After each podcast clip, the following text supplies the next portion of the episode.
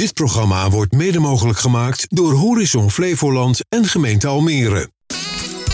Easy FM tegen innovatie met Ronald Tervoort. Easy FM. Welkom en leuk dat je luistert of meekijkt naar Tegen Innovatie, de wekelijkse talkshow over ondernemen op het snijvlak van technologie en innovatie. Ik ben Ronald Tervoort en elke week spreek ik hierover met twee gasten uit de regio. Denk aan start-ups, scale-ups tot de grotere bedrijven en instellingen. Wat drijft hen? Welke lessen hebben zij als ondernemer geleerd? Hoe proberen ze te innoveren? De impact van technologie erbij en natuurlijk worden de nodige praktische tips gedeeld. Vandaag te gast in de ICFM-studio in het WTC Mediacenter Almere, Sifra Geitenbeek, oprichter en directeur van Ukje. Over hoe je met hoezen en voetenzakken het leven van kinderen kunt opvrolijken, innovatie realiseert in een bestaande markt en ondertussen internationaal schaalt. En Jan-Peter Jansen, Communications en Public Affairs Partner bij Roche Diagnostics Nederland. Een mooie Mooie klank is dat, hè? Diagnostics. Ja, dat klinkt goed, hè? Ja, dat is een mooi scrabblewoordje. Over verhalen vertellen vanuit technische kennisomgeving, de inzet van vernieuwende digitale communicatiemiddelen en de rol van Almere daarbij. Nou, welkom uh, allebei in de studio. Dankjewel. Dankjewel. Diagnostics, hè? dat is toch heel wat anders dan uh, als je denkt aan Roche, dan denk je eerder aan de pharma. Dat is ook een tak van onze onderneming. Uh, Diagnostics is inderdaad actief in de diagnostische oplossingen, zoals wij dat noemen. Dus dat, dan moet je denken aan hardware, wat in de laboratoria staat. Hier in het ziekenhuis ook. Flevo is een klant van ons. Maar ook de testen. Dus um, de biomarkers, de parameters, zoals wij dat noemen. Maar ook de coronatest gaan we straks even absoluut verder op in. We beginnen het programma altijd even met wat jullie is opgevallen, bijgebleven op het gebied van innovatie in de afgelopen periode. Nou, Sifra, om bij jou misschien even te beginnen. Ik uh, ben natuurlijk altijd wel gek op nieuwe snufjes en, en technische innovatie ook.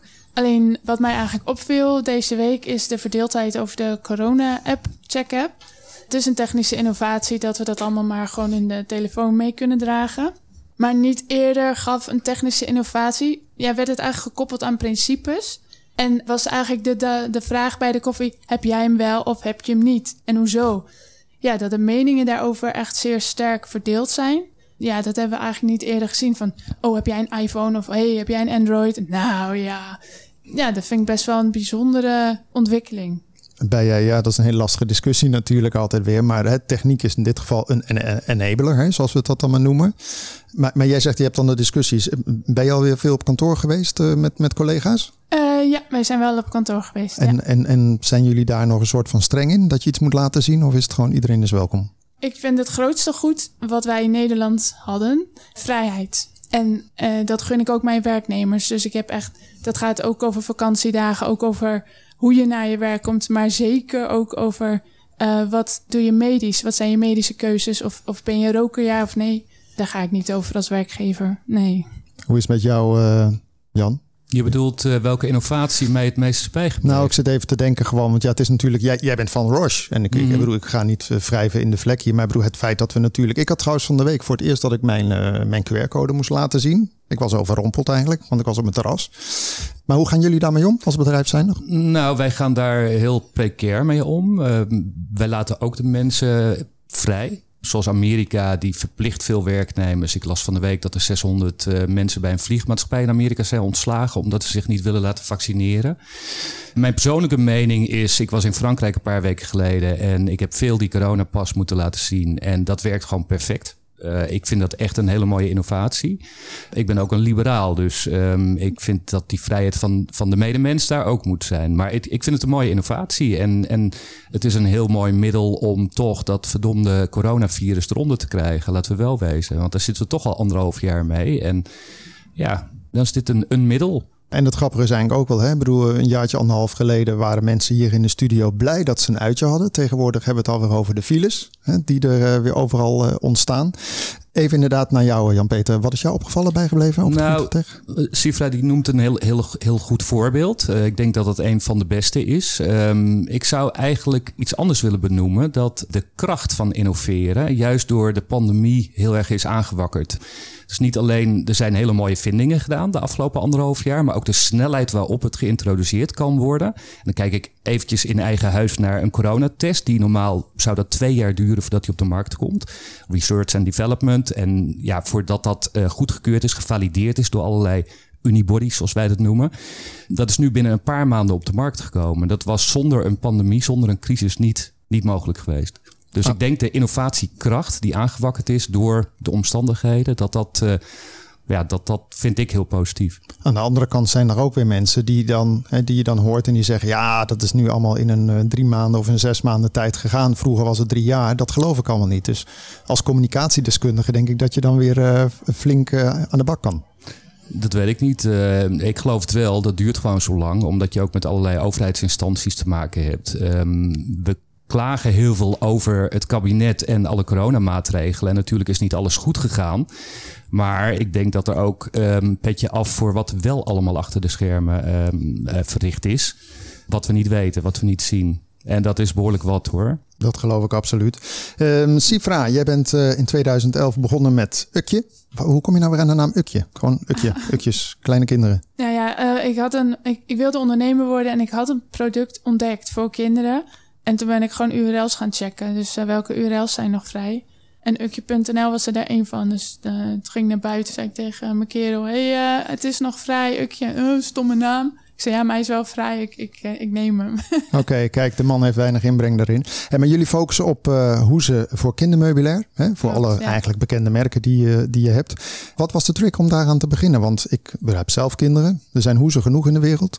Eh, nou, dat, dat is wel, eh, wel interessant. Want eigenlijk brengt dus een, een zwaar moment de innovatie dus op gang. En we hadden het destijds niet zo breed. En we hadden dus een hele lelijke derdehands wipstoel voor onze dochter.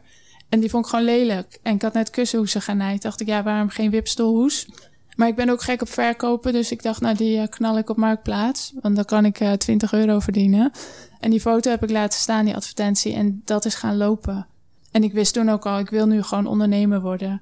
En in tien jaar tijd, want tegenwoordig, maar daar komen we straks op, zit je echt in diverse buitenlanden. Sinds dit jaar zelfs ook in de Verenigde Staten. Ja, je begint klein, maar hoe, hoe wordt het dan in één keer zo groot? Heb je heel veel marketing gedaan? Eh, nee, zeker niet. Ja, gewoon gezond verstand, doorzetten. Het is allemaal nog bootstrapping geweest, dus allemaal eh, je eigen spaargeld weer gebruiken om nieuwe voorraad te kopen, nieuwe stappen te zetten. Ja, gewoon elke dag een beetje beter dan gisteren. Maar uiteindelijk zeg je, hè, want je gaat het zelf allemaal maken. Uiteindelijk loopt dat een beetje uit de klauwen. En dat ga je niet allemaal thuis mee doen, neem ik Nee, aan. nee, ik verdiende 2 euro per uur of zo. Eh, en daarvoor was ik consultant, dus dat leek mij geen, eh, geen goede business case. En nee, je gaat eerst kijken, is de markt? En dan ga je steeds meer kijken wat... Eigenlijk is mijn stelregel geworden wat een ander beter of goedkoper kan. Dat besteed ik uit. En uiteindelijk vandaag de dag heb jij een goed lopende website met allerlei nou ja, producten die eigenlijk ter vervanging zijn van wat er wordt aangeboden in de markt. Nou, in de markt wordt niet heel veel meer aangeboden. En ik denk dat het deels mee te maken heeft omdat wij bestaan. Maar je hebt toch gewoon hoezen om, eh, om producten heen, zoals Maxi Cozy of iets anders? Eh, zij doen dat nog maar heel beperkt, omdat dat niet hun core is. Dat is echt de stoelen. En omdat wij echt veel mooiere spullen maken. Dus in de markt zijn dit soort partijen opgestaan en die, en die bieden dit aan. Heb jij kinderen, Jan-Peter? Ik heb vijf zonen. Oh, nou dan zou je een grote klant zijn van eh Sifra. Nou, de oudste die is ehm 25 geloof Oh ja, ik. dat schiet niet op. De jongste is drie.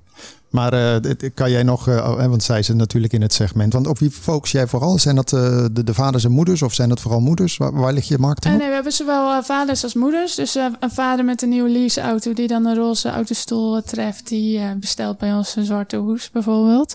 Eh, ook moeders, maar ook zeker grootouders. Eigenlijk iedereen die eh, een kind, baby krijgt in de omgeving tot een jaar of acht. Ja, die zijn hier gewoon blij over. En het is ook niet één bepaald segment, rijk, arm of zo.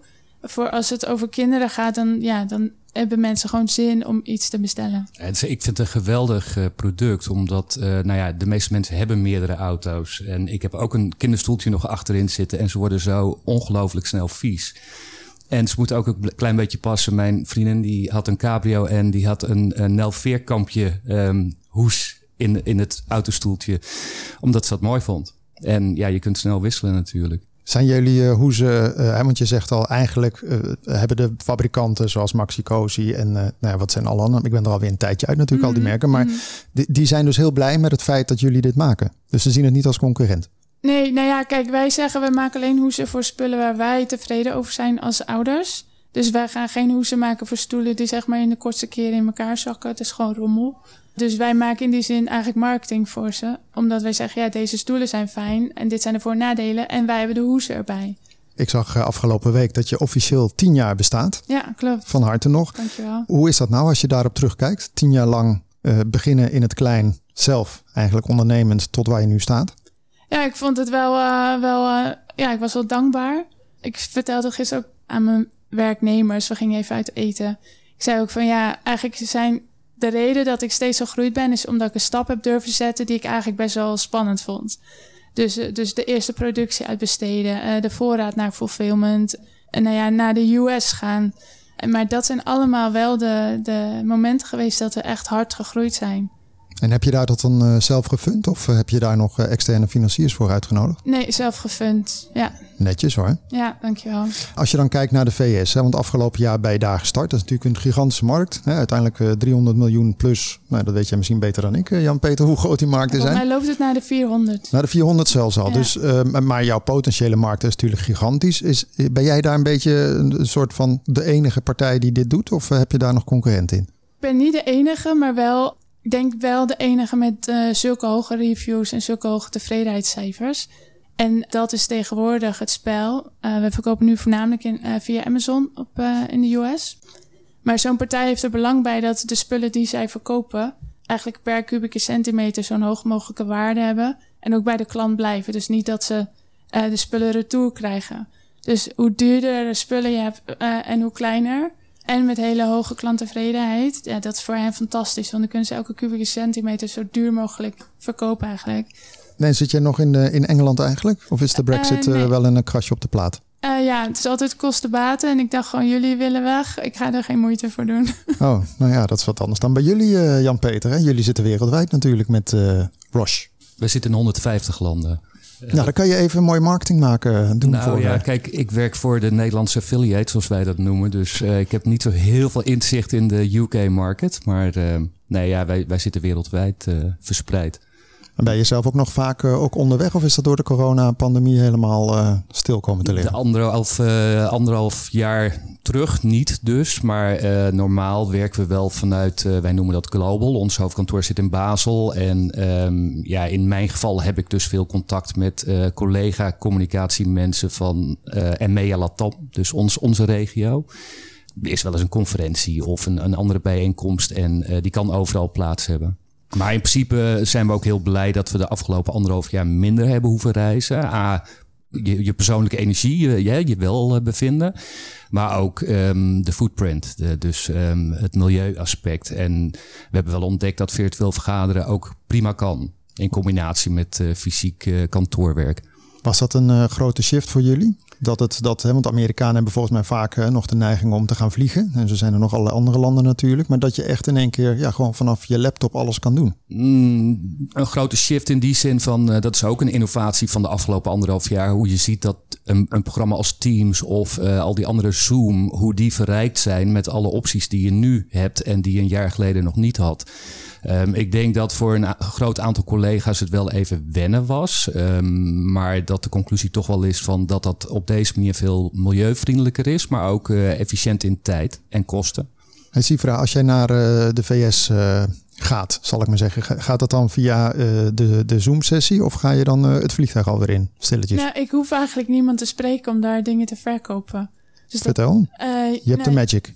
Ja, ik vind het wel, wel chill we verkopen voornamelijk via Amazon. En dat uh, ja, gaat allemaal gewoon met. met uh, ja, ja, maar je, hebt geen lokale, je, hebt, je hoeft geen lokale presence te hebben. Een kantoortje met een ja, telefoon. Ik heb en een boek, boekhoudkantoor heb ik zeg maar daar zitten. Maar ja, wanneer spreek je hen?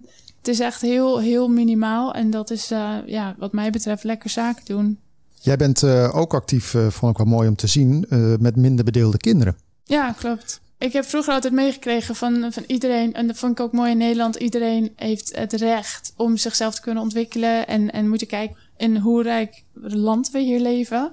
En ik vind het mooi om andere mensen ook die kans te geven. En uh, ja, ik heb denk ik wel een extra passie voor kinderen. En ja, in Europa uh, maken we gezinnen blij, zeg maar, met onze hoezen. Ik dacht, ja, ik wil ook wat voor de mensen doen die niet eens een auto, auto hebben. Dus geen autostoel, et cetera. Ons doel is om in 2030 3000 kinderen van onderwijs, zorg en eten te voorzien. En dan vind ik het leuk om dan na te denken: en hoe is dat dan over 200 jaar? Wat heeft dat dan voor effect dat we dit nu gaan doen? ja, dat vind ik gewoon super gaaf. Hoe betaal je dat dan? Of hoe uh, vind je dat? Uh, doen we met 1% van de omzet. Zouden jullie ook kunnen doen eigenlijk hè, bij Roche. Maar daar ga jij dan waarschijnlijk niet over in zo'n groot bedrijf. Daar ga ik niet over. Nee, um, Roche is deels een familiebedrijf en, en bestaat ook al 125 jaar. En die hebben ook een aantal foundations, de familie Hofman. Dus zij doen niet alleen aan culturele zaken um, goede doelen. Maar we hebben ook bijvoorbeeld een children's walk, waarbij personeel, we hebben 100.000 mensen bij Roche werken, um, gaan lopen en wandelen. En een soort sponsortocht. en de centjes die gaan dan naar kinderen in Namibië en Afrika. Dat is een van de weinige dingen. Um, er wordt uh, gesponsord in Zuid-Afrika voor HIV. Uh, wij zijn groot in HIV-testen. dat soort zaken, dat doen we zeker aan mee. Mooi is dat Ik denk dat dat ook het fijne wat ze vertelt uh, van ondernemen is dat je ook wat achterlaat. En dat het niet alleen om omzet uh, draait. En eigenlijk doen jullie dat al van nature? Het is eigenlijk ook wat jij nu al een tijdje doet. Maar heel vaak denken mensen bij Roche toch eerder aan de pharma. We gaan dan dadelijk even over de diagnostische kant mm -hmm. hebben. Maar dat is, dat is toch mooi om even te, be, te bedenken dat nou, het zo ja. is. Uh, als ik, en ook ikzelf, wij komen veel in omgevingen, hè, onze klanten uh, in ziekenhuizen. En als je in het Prinses Maxima in Utrecht rondloopt, dan besef je wel waar je mee bezig bent. Dat je heel dicht bij de patiënt staat. Daar lopen dan kleine kindjes met, uh, met, leukemie of wat dan ook. Die komen wel binnen. En ja, ons, ons product is gewoon, staat heel dicht bij de mens. Hè? De diagnose. Um, tussen leven en dood. Dus um, daar zijn we wel elke dag mee bezig. Als we opstaan en als we naar bed gaan. Als we het hebben over uh, duurzaamheid, uh, Sifra. Uh, want jij bent nu, je groeit flink. Hoeveel mensen heb je eigenlijk in, in dienst of op de Vier. werkvloer? Vier. Ja. Jij, jij doet echt alles met Amazon, hè? Het is, nee, maar broer, wat, wat doen die vier mensen dan nog? Is dat marketing? Hoofd, veel, eh, veel Amazon. Er zit één fulltime op Amazon. Uh, klantenservice, uh, retouren. Hoeveel omzet doe je eigenlijk? Kan je daar Uh, iets over anderhalf miljoen waarschijnlijk dit jaar. Ja. Lekker. Hey, als we het even hebben over de planeet, hè, of over wat laat je achter, dan kunnen we het hebben over duurzaam. Mhm. Eh, jullie produceren volgens mij vandaag de dag eh, grotendeels in Polen. Ja. Heb je dan ook de hele footprint eh, mooi uitgerekend? Uh, nee, dat niet. Nee.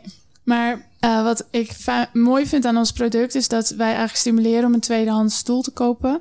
Want dan ben je goedkoper uit dan bij een nieuwe. Of dat je je nieuwe stoel beschermt met een hoes. En daardoor zeg maar het stoeltje langer mee kan. Maar kan je ook zeg maar jullie hoezen eh, weer eh, recyclen? Uh, ja, wij bieden onze klanten aan dat ze hem kunnen terugsturen. En uh, wij kunnen dat verfilteren. Alleen, ja, ik ben maar gewoon eerlijk hoor. Ik ben ondernemer, dus het kan. Ik merk vaak dat we het er allemaal over hebben. Maar onze klanten vragen er nooit naar. En, en als ik kijk naar wat voor welvaartssamenleving wij zitten, dan denk ik ja, uh, duurzaamheid en vliegvakanties en, en kijk eens in onze kledingkast. Ja, dan vind ik het soms een beetje een wassen neus. Maar uiteindelijk uh, zijn jullie uh, wel heel erg daarmee begaan. En jullie mm-hmm. gebruiken volgens mij ook uh, biologisch katoen, ja. dat soort zaken. Ja, nou, komt ja kijk, ik, ik neem mijn verantwoordelijkheid. We hebben bijvoorbeeld ook uh, recyclebare verzendzakken. Maar ik vind vaak van, ho, ho, wat zijn we duurzaam? Dat verhaal ga ik niet afsteken. Want in wezen zijn wij als samenleving niet duurzaam. En ja, dat we dan op ons kop krijgen, zeg maar, van het IMF van uh, Nederland, schiet eens op met je doelen. Dat vind ik best wel erg eigenlijk. Ik denk, ja, je hebt geld zat. Uh, het zijn gewoon keuzes die je moet maken. Ja. Jij uh, zit met het bedrijf in Lelystad. Mm-hmm. Vaak hebben mensen uit Almere, gelukkig ook uit Lelystad. Waarom, waarom heb je gekozen voor Lelystad eigenlijk? Ik heb eigenlijk best wel veel plekken in Nederland gewoond. Enschede, Gouda, het Gooi, de Kop van Noord-Holland, daar kom ik vandaan. En uh, ik hou heel erg van uh, de natuur in die zin dat ik gewoon naar buiten kan in het bos ben. En Lelystad had dat. En je kunt gewoon doorrijden als je van A naar B wil. Als je in Utrecht woont, dan moet je bij elke stoplicht zeg maar drie sessies op groen wachten voordat je... Dus ja, ik vond het een he hele gave omgeving. Dat vind ik nog steeds. Ik vond het wel grappig, uh, ik, of ik het in een interview las of op jullie site, maar dat er stond ook, we zijn heel tech, maar tegelijkertijd zijn we ook heel toegankelijk. Dan denk je eerder aan een soort van techbedrijf, softwarebedrijf, maar wat bedoel jij ermee? Nou, we zijn best wel nerdy op kantoor. Dus, uh, als je... Zes nerds. ja, en ook allemaal vrouwen. Nee, als je op Amazon wil verkopen, moet je wel uh, echt, echt wel goed opletten waar je mee bezig bent. En dat geldt natuurlijk ook voor al je Google en Facebook dingen. Dus eigenlijk is het allemaal logaritmes begrijpen. Het bedrijf aan zich, als er zeg maar iemand belt van ja, ik ben aan het bevallen en morgen heb ik mijn autostoel en bla bla. Uh, dan zijn we ook gewoon, oh meisje, we gaan je helpen. In die zin heel toegankelijk. En uiteindelijk is het gewoon een wereldmarkt en je hebt gewoon te maken met uh, het shippen van je product. Ja, klopt. Ja. ja, en wat ik mooi vind dat de, de behoefte bij ouders eigenlijk internationaal overal gelijk is. ze willen allemaal heel het beste voor hun kinderen. En wij kunnen daar een beetje in bijdragen. En dat is gewoon heel leuk om te doen. Ja, want je hebt zelf ook uh, drie kinderen, verteld je me op een eerder moment. Even inderdaad daarover. Hè? Want als je kijkt even naar corona, we hadden het er net al even over. is dit een zegen voor jullie? Of was het een periode waar ook nou, de business een beetje wat minder ging? Nee, de, er is wel een geboortegolf geweest. Of die is nog steeds gaande. En volgens mij is de groei zogeheten 20 tot 30 procent. wij zien dat terug in de business, ja. Maar ja, dat zou nog zou ik liever corona hebben overgeslagen, geloof ik, ja. Als je kijkt ook, Jan-Peter, als jij dit zo hoort, hè, had, je, had je überhaupt van Ukje gehoord al? Je hebt heel veel kinderen, zijn er een beetje in nee, verschillende leeftijden. Ik had er niet van gehoord, mijn vriendin wel. En, um, maar die, die zit ook in de digital marketing. Dus ik denk dat zij in combinatie met onze jongste, um, dat zij het gewoon kende. We hebben er niets van. Dat niet. Nog niet. Easy FM tegen innovatie met Ronald Tervoort. Easy FM. Dit is Tegen Innovatie op Easy FM, de wekelijkse podcast en podcast over ondernemen op het snijvlak van technologie en innovatie. Vandaag in de studio eh, Sifra Geitenbeek, eh, oprichter en directeur van Ukje, over hoe je met hoezen en voetenzakken het leven van kinderen kunt opvrolijken, innovatie realiseert in een bestaande markt en ondertussen internationaal schaalt.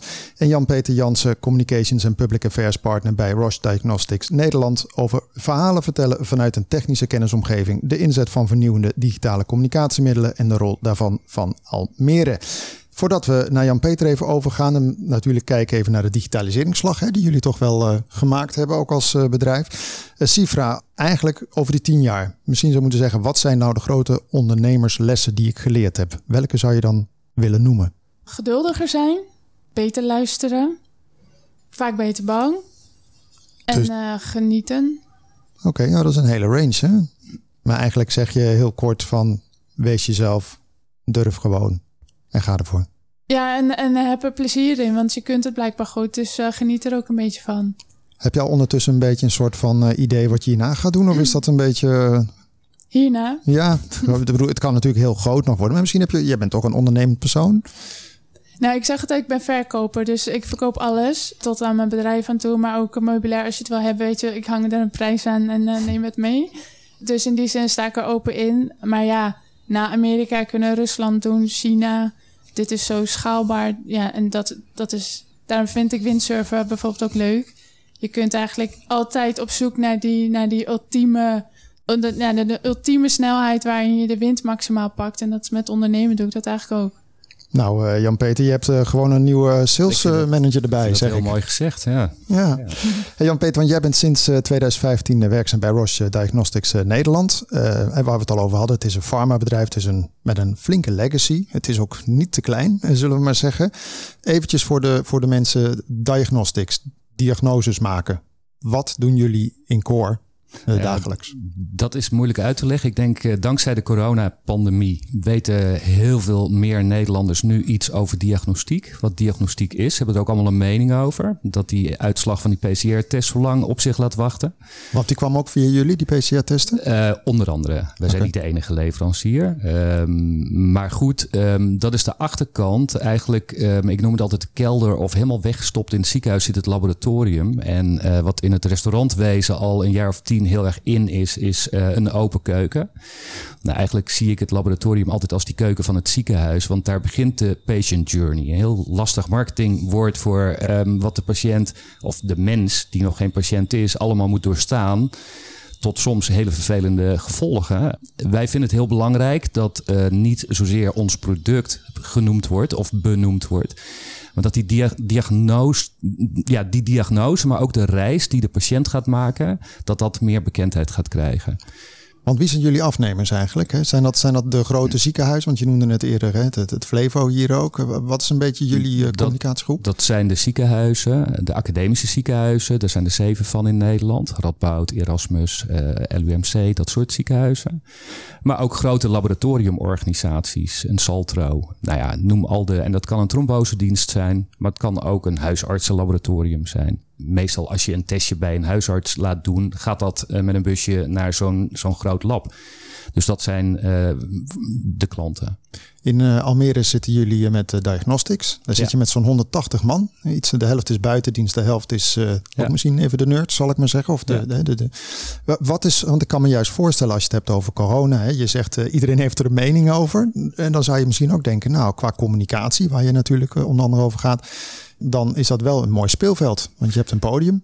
Nou ja, ik heb communicatie gestudeerd en journalistiek, van huis uit journalist. Uh, maar ik denk dat ik het afgelopen anderhalf jaar meer heb geleerd dan uh, gedurende de afgelopen 15 jaar, zeg maar. Je leert um, hele ingewikkelde, complexe materie heel snel um, ja, te versimpelen. Je hebt een Janneke taal naar de consument toe, naar de patiënt toe.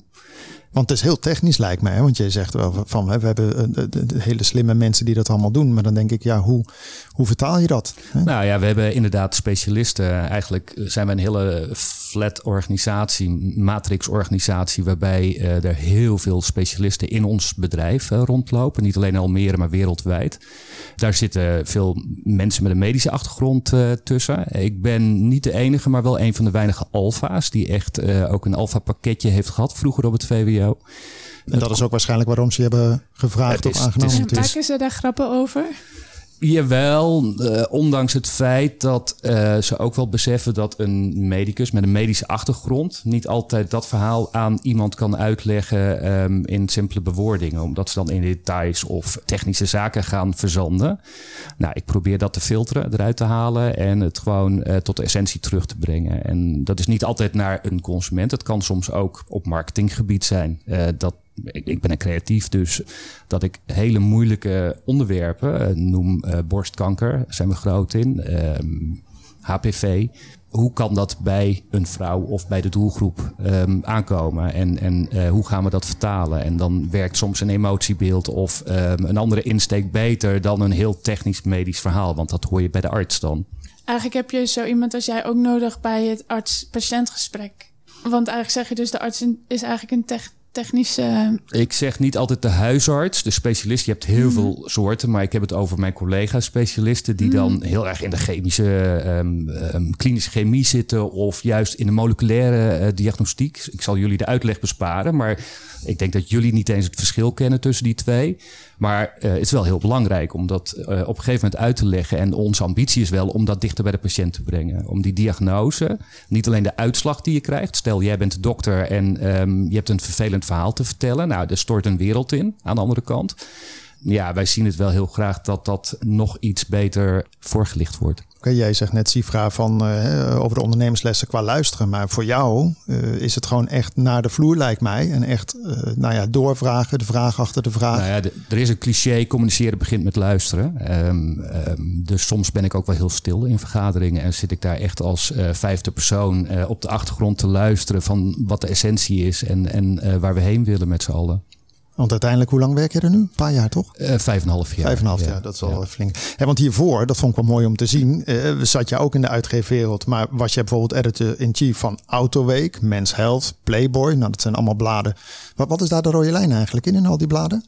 Dat ik ben, ze leuk zijn.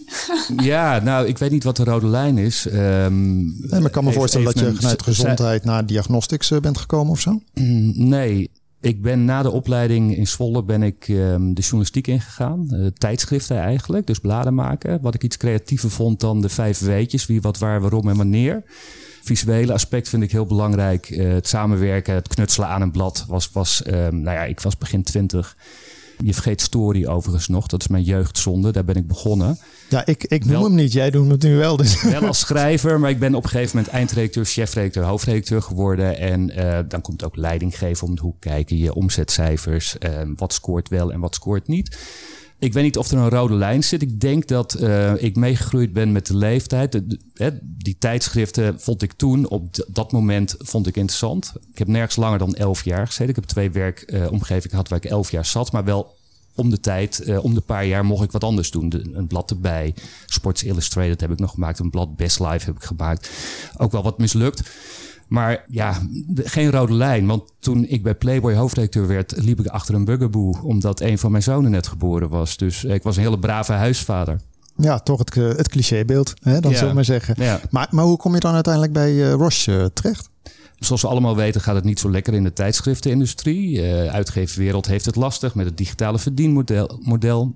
Ik moest elk jaar, denk ik, afscheid van één redacteur nemen. Ik begon met 20 man en ik, had, ik zat laatst op, op laatst met vijf personen eh, een blad te maken. Budgetten gingen naar beneden.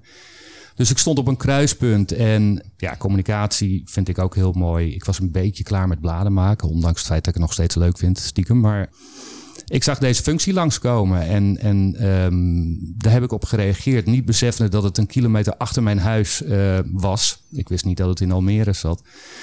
En daar zochten ze iemand die de tassen vol met verhalen die op de gang stonden of op zolder lagen naar buiten te brengen. Dus dat is een beetje dus verhalenverteller voor een onderneming, een grote onderneming, een corporate. Trok mij heel erg. Kreeg heel veel vrijheid, eh, heb ik nog steeds. Maar wat mij ook trok is toch wel, ik kom uit een ondernemersfamilie. Dus ehm, dat ondernemen, ondanks het feit dat ik niet een eigen bedrijf heb, ehm, vond ik toch wel een, een toegevoegde waarde hebben aan het creatieve ehm, aspect van mijn werk.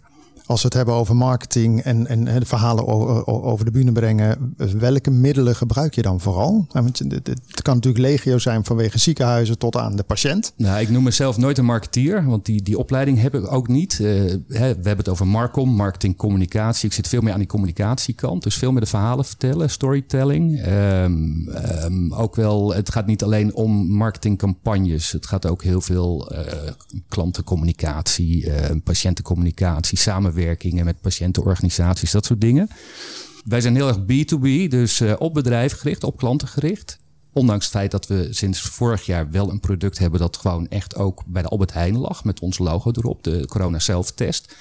Nou, dat was echt een uitzondering voor ons. Daar zijn we ook nooit op uit geweest. Maar doordat het VWS een ontheffing heeft verleend en doordat er op een gegeven moment gewoon een CE-markering opkwam, waardoor het vrij in de winkel kon liggen, zijn we ons ja, nog meer gaan richten op die consument die ons nu ook bellen van, eh, god, hoe gaat die swap erin? Ehm, hoe Maar dat is wel heel erg eh, lekker eh, detail. Dat, eh daar kunnen we een aparte afdeling voor inrichten, lijkt mij. Dat hebben we ook gedaan. Oké. Ja, daar hebben we een callcenter voor, eh, voor ingericht. Nee, we, wij, wij gebruiken zo'n beetje alle digitale middelen die er zijn. Eh, dus dat kan ehm klantenportaal zijn waar ze kunnen inloggen, waar ze alle, alle communicatie kunnen lezen. En dat, dat kan over een apparaat of over een test gaan, maar het kan ook ja, eh, nieuwe introductie of wat dan ook. Eh, bij ons het slow business. Dus het, is niet zo dat we elke maand een nieuw product te presenteren hebben. Maar het kan ook een evenement zijn of een symposium dat we organiseren. Of ehm, ik doe veel interviews met klanten, met, met wetenschappers in het ziekenhuis. Eh, die zetten we online. Die willen we graag delen met, met onze, onze mensen, zeg maar. Aan het begin had ik het even over de digitaliseringsslag hè, die jullie gemaakt hebben. Eh, dan, dan, wat dan redelijk dichtbij ligt, zijn dingen zoals een, een, een digitaal systeem in ziekenhuizen, maar ook appjes. Zaten jullie in, in dat segment al? Of was dat echt heel nieuw dat je daar ook eh, mee aan de slag bent gegaan? Op, je bedoelt op professioneel gebied, dus waar de ziekenhuizen, de laboratoria mee werken, daar zit heel veel middleware in. Ehm, daar zit een, een laboratorium informatiesysteem, een LIS-systeem. Dat wordt beheerd door het ziekenhuis. We hebben natuurlijk te maken met eh, privacy-wetgeving, dus die patiëntengegevens die mogen wij niet hebben en weten. Dus daar zit al software voor in. Natuurlijk die apparaten, die teststraten. Je kunt ze zo uitgebreid maken als je wilt. Eh, daar zit heel veel software in. Dat gaat mijn petje te boven. Daar heb ik niet zo heel veel verstand van. We hebben wel een stuk of 90 eh, engineers rondlopen die elke dag ja, in ziekenhuizen dus dat onderhouden. Niet alleen als het kapot gaat, maar ook updates. Dus wat dat betreft is de digitalisering in de diagnostiek is gaande. Eh, dat is al heel lang. Gaat ook steeds verder. Ehm, houdt ook in dat een laborant of een anali- analist eigenlijk eh, steeds meer moet kunnen vertrouwen op die apparaten die daar staan. Ja, en op marketinggebied gebruiken we alle, alle online kanalen eh, zo'n beetje. Dus ehm, Zijn jullie nou ook eh, partner? Aan het begin eh, vertelde Shifra over haar eh, zeg maar beeldmap trekt tot die corona-app. Hebben jullie daar dan ook mee kunnen bemoeien? Of, of, want jullie zijn een grote speler. De corona-app is een initiatief van VWS. Ehm, daar hebben wij ons niet mee bemoeid. We hebben zelf wel een, een dergelijk systeem. Dat heet Navify Pass. En ehm, daarin kunnen bijvoorbeeld bij een evenement... kunnen alle gegevens eh, voor zowel de, persoon die naar zo'n evenement wil... als de gebruiker, kunnen daarin verzameld worden. Eh, die is ook in no time ontwikkeld. Um, is overigens Nederlands product. Dat, dat doen we in Europees verband. Het is alleen heel lastig om dat uitgerold te krijgen... omdat we in Nederland ehm, het gebruik van personal data um, is tamelijk precair in Ja. Nederland. In Ja. Amerika is bijvoorbeeld publiek bezit, hè? Alle, alle, alle medische documenten, et cetera. Ehm, dat is in Nederland anders. Dus ehm, het is lastiger. Open cloud systemen wordt al lastiger. Eh, VWS heeft besloten, die coronapas is gewoon ehm, door ons gevalideerd hè, door VWS en is een VWS-product. Als jullie het hebben over eh, eh, valideren en, pilots, eh, eh, want jij zegt al, we- je spreekt ook met onderwijs en dat soort eh, eh, eh, segmenten. Hoe, hoe ga je dat dan doen in Nederland? Als je iets hebt, ga je dan pilots doen met bepaalde groepen of bepaalde eh, eh, universiteiten of zo? In het geval van corona heb je heel erg te maken met diensttesten van VWS. En die bepalen het beleid. Dus wij zijn niet de beleidbepalers. Dat, dat zou ook niet mogelijk zijn, want we zijn ook niet de enige speler in de markt. Met bijvoorbeeld een, een, een labtest, op welk ziektegebied dan ook, ehm, die nog niet een CE-markering heeft, dus die nog niet vrijgelaten is eh, op de markt, doen we wel studies met bijvoorbeeld het LUMC, die dan, of Erasmus, die dan eh, gedurende langere tijd zo'n test gaan testen. Dit klinkt een beetje dubbel, maar eh, die gaan een potentiële succesvolle test gaan ze eerst testen. Er komt een klinische studie. En die studie gaat naar een, een, een ehm, instituut die bepaalt of het eh, losgelaten mag worden op de markt. En dat is dus ook met die corona zelftest eh, zo gegaan. Heb jij nou eigenlijk, want als, als, als communicatie, Marcom verantwoordelijke, zoek je nou nog veel personeel eigenlijk? Of valt het nog wel mee? Nou, niet, niet op het gebied van communicatie. Dat, de, maar we hebben, ehm, wij zijn wel de klant centraler aan het stellen op dit moment. We zitten in een soort transformatie wereldwijd. Ehm, niet omdat we die klant niet belangrijk achten, maar we gaan het nog centraler stellen. Omdat wij toch heel graag datgene uit het lab, wat, wat ons de oren komt meenemen in de toekomst. Het zorgstelsel in Nederland en wereldwijd eh, heeft echt ook behoefte aan verandering. Nou, daar spelen wij op in bij Tijds. Dus op dat gebied eh, zien we wel heel veel nieuwe collega's. eh, Hoeveel collega's heb je eigenlijk qua communicatie wereldwijd? Want dat, dat, dat kan ik niet op één hand tellen, neem ik aan. Ik zat gisteren in een call en ehm, dat was niet eens wereldwijd, maar daar zaten er 300 in. Communicatie allemaal. Of in ieder geval in het Ja, nou ja, reken maar uit 150 landen waarin we actief zijn. Op het hoofdkantoor zitten natuurlijk corporate communicatie, maar ook communicatie op specifieke eh, disease areas, op specifieke producten. Dus ik denk eh, al met al ehm, 400 of 500. Ik durf niet te zeggen. Even laatste vraag, eh, Jan-Peter. Als je kijkt naar Nederland, we vinden ons altijd heel innovatief. Als je kijkt binnen Roche Diagnostics, wat is het belang van Nederland? Lopen we voorop? Zijn wij echt de, de innovators hier? Nou ja, dat is absoluut waar. Eh, in Zwitserland, eh, ons hoofdkantoor, vinden ze Nederland een early adapting land. Eh, we zijn heel snel, ook in de zorg, heel snel van iets willen proberen. Dus die grenzen opzoeken. Roche houdt er heel erg van om die grenzen over te gaan, want dat is heel belangrijk voor de wetenschap en, en voor research en development. Daar stoppen we ook 11 miljard per jaar in, in, in R&D. Nederland wordt absoluut als innovatief gezien en er zijn een aantal referentielaboratoria, noemen wij dat. Eh, laboratoria in Nederland die vanuit Basel als heel belangrijk worden beschouwd. En daar komen ook heel veel buitenlandse eh, wetenschappers en klanten heen om te zien hoe zij dat doen. Nou vertel ik het simpel, maar eh, Nederland is heel innovatief, ook in de labs. Als je dit zo hoort, Sifra, had je dat verwacht? Achter Roche Diagnostics in de buurt. Eigenlijk, nou ja, Lelystad Almere is in de achtertuin. Ja, inderdaad. In, in de supermarkt. Nee, gaaf om te horen. Zeker. Eh, richting het eind van het programma waar we enigszins zijn aanbeland, gaan we altijd even vooruitkijken de week in. Even om bij jou te beginnen, Sifra. Wa- Waar is het waar jij je op verheugt komende week? Het is eind van de maand en dan kijken we altijd van wat hebben we gedaan deze maand. Ik wil altijd ietsje beter dan de maand ervoor. Dus ik verheug me daarop. Eh, op, de, op de maandcijfers. Eh, maar ook mijn sport. Vanmiddag ga ik even lekker hardlopen. Morgen weer een crossfit training. Eh, daar, ja, daar kijk ik ook altijd naar uit. Aan het begin van het programma riep je even tussen neus en lippen door dat, dat eh, ook vakantiedagen, hè, want ik had het hier opgeschreven. Dat is wel leuk om te weten. Vakantiedagen mogen ze onbeperkt opnemen hè, bij Ukje. Heel goed. Ik vond het heel vooruitstrevend. Nee, Dan ik heb je denk maar vier, vijf, zes mensen. Als maar mijn medewerkers geen zin hebben om te werken, waarom zou ik ze dan verplichten om achter een computer te zitten? En ze zijn niet productief, ze gaan fouten maken. Ik, nee, dat dacht ik. En ik wil ook gewoon vrij zijn, dus ik gun ze dat. Ja, nee. Geweldig. Echt top. Ja. Hoe is dat bij jullie? Is iets meer eh, de Nou corporate we hebben, regeltjes, we toch? hebben onze vakantiedagen, maar ehm, we hebben een soort freedom. Ja, het is een license to operate voor ons. Ehm, dus we zijn redelijk flexibel. Ondanks het feit dat we allemaal wel volgeboekt zitten in de agenda's. Maar ehm, ik heb hetzelfde dat als ik, ehm, nou ja, met name het afgelopen anderhalf jaar, dat als ik een uur wil wandelen of fietsen, dan doe ik dat. En uiteindelijk leer je ook daar weer van hoe je de life balance eh, met work Ja. eh, goed kan inrichten Ja, natuurlijk. absoluut. En waar verheug jij je op komende week? Allereerst denk ik uh, niet elke dag, maar de open, heropening van ons kantoor hier in Almere. Um, dat we weer wat meer werkplekken daar hebben. Um, dat de mensen ook weer de vrijheid hebben. Want ik merk toch wel dat corona en thuiswerken uh, heel veel mensen toch wel um, wat gedaan heeft in negatieve zin. Uh, eenzaamheid, maar ook ongemak hè, met kinderen. Of de ene partner zit aan de keukentafel te werken en de andere in de slaapkamer. Ik heb er zelf iets minder last van, maar ik kijk, kijk er heel erg naar uit om weer fysiek koffie, koffieapparaat uh, gesprekken en roddels en onderrondjes te hebben, maar ook gewoon weer fysiek te kunnen werken. Nou, misschien kunnen we dadelijk beginnen bij het koffiezetapparaat hier bij ICFM. Maar uh, Sifra Geitenbeek, oprichter en directeur van Ukje en Jan-Peter Jansen, Communications en Public Affairs Partner bij uh, Roche Diagnostics Nederland. Hartelijk dank voor jullie uh, komst naar de studio. Jij bedankt voor het luisteren via ICFM, je favoriete audioplatform. Dan wel het meekijken via de podcast op onder meer Het Kan in Almere of een van de andere online videodiensten. Wil je een berichtje sturen of heb je nieuws op het gebied van tech en innovatie? Mail dan naar redactie.icfm.nl. Graag tot volgende week.